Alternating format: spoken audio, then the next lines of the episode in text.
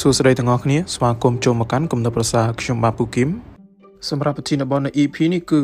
ឈ្មោះនៃសេចក្តីស្លាប់ដែលខ្ញុំបានដកស្រង់ចេញពីសភៅ1 1 equals 3របស់លោក Dale Trout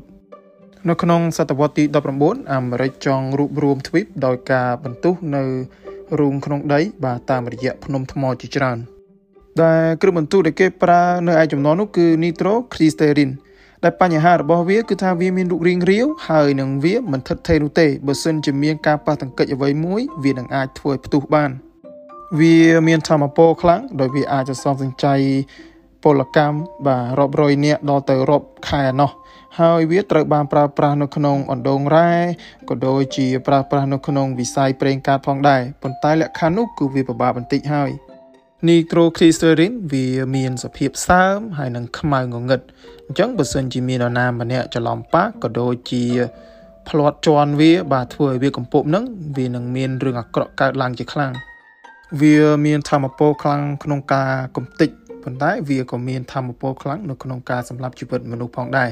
មិនថានៅក្នុងអណ្ដូងជីករ៉ែឬក៏នៅក្នុងរូងក្រោមដីនោះទេ តែវាពិតជាមានសោតនីយកម្មច្រើនណាស់ នៅក្នុង ឆ្នាំ1866បាទអឺកេសនៃ nitro glycerin គឺត្រូវបានគេដឹកជញ្ជូនតាមរយៈ Wells Fargo ដោយកេសនោះត្រូវបានរកឃើញថាវាលេចបាទហើយកម្មករនៅទីនោះគេបើកហើយនឹងឆែកវាមើលបាទដែលគេបើកកេសជាមួយនឹងញញួរក៏ដូចជាដកាប់ផងដែរហើយបណ្ដាលឲ្យមាននៅបន្ទុះដ៏ខ្លាំងមួយបាទដែលវាបានសម្លាប់ជីវិតមនុស្សដល់ទៅ15នាក់ឯណោះ ចំណែកឯនៅក្នុង San Francisco វិញបាទរោងចក្រ nitroglycerin គឺបានផ្ទុះហើយចំនួនមនុស្ស15នាក់ត្រូវបានស្លាប់ហើយនឹងបន្ទុះហ្នឹងគឺត្រូវបានមនុស្សលឺដល់ទៅ40ម៉ាយឯណោះដោយអ្នកនៅក្នុងតំបន់នោះគិតថាមានការរំជួយដីផង ហើយសារព័ត៌មានក៏បានចុះដែរថាមានមនុស្សហ្នឹងគឺមានសាកសពបែកខ្ចាយពេញផ្លូវតែម្ដងនៅក្នុងឆ្នាំ1864ប្អូនប្រុសរបស់លោក Alfred Nobel ត្រូវបានស្លាប់ដោយសារបន្ទុះ ហើយលោក Alfred Nobel គឺជាអ្នកវិទ្យាសាស្ត្រហើយនិងអ្នកសន្តិនិយម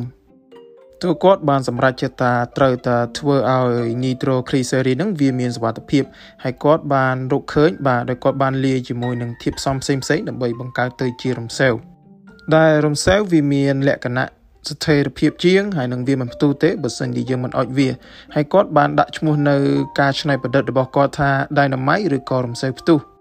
ដែល Dynamite នេះផ្ទាល់វាមានរូបរាងដូចជាសាច់ក្រកអញ្ចឹងហើយត្រូវបានគេវេចខ្ចប់ចូលទៅក្នុងប្រហោងឬក៏រូងអ្វីមួយសម្រាប់ធ្វើការផ្ទុះហើយវាក៏ត្រូវបានគេដឹកជញ្ជូនទៅកន្លែងផ្សេងផ្សេងដោយសុវត្ថិភាពផងដែរ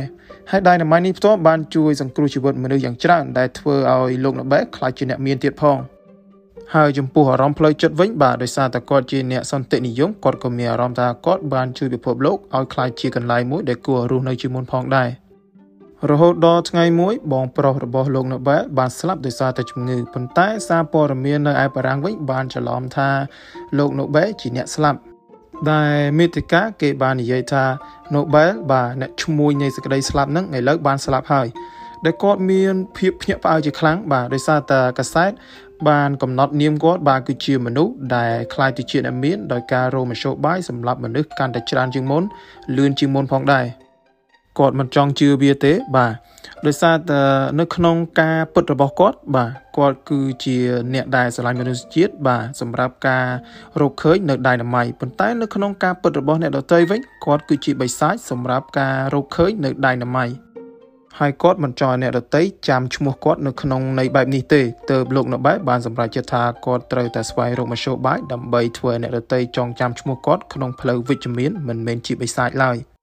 ហើយគាត់បានបង្កើតនៅ Nobel Award ឬក៏ពីរង្វាន់ Nobel ដែលជារៀងរាល់ឆ្នាំរង្វាន់នេះគឺត្រូវបានចែកឲ្យទៅអ្នកវិទ្យាសាស្ត្រគីមីថ្នាំពេទ្យអក្សរសាស្ត្រហើយនិង Nobel Peace Prize ឬក៏ពីរង្វាន់សន្តិភាព Nobel នៅសប្តាហ៍ថ្ងៃនេះពានរង្វាន់ Nobel ត្រូវបានគេស្គាល់ថាជាពានរង្វាន់ដ៏អស្ចារ្យបាទដែលអ្នកវិទ្យាសាស្ត្រគ្រប់រូបតែងតែចង់បានវា ហើយឈ្មោះរបស់លោក Nobel ត្រូវបានគេចងចាំថាជាអ្នកដែលស្រឡាញ់មនុស្សជាតិដ៏មានតម្លៃបំផុតនៅក្នុងពិភពលោកមួយរូបផងដែរដែលវាមិនមែនជាងារដែលអ្នកសារព័ត៌មានចង់ដាក់ឈ្មោះឲ្យគាត់ថាជាឈ្មោះនៃសេចក្តីស្លាប់នោះឡើយសូមអរគុណពីខ្ញុំពូគឹមសូមជម្រាបលា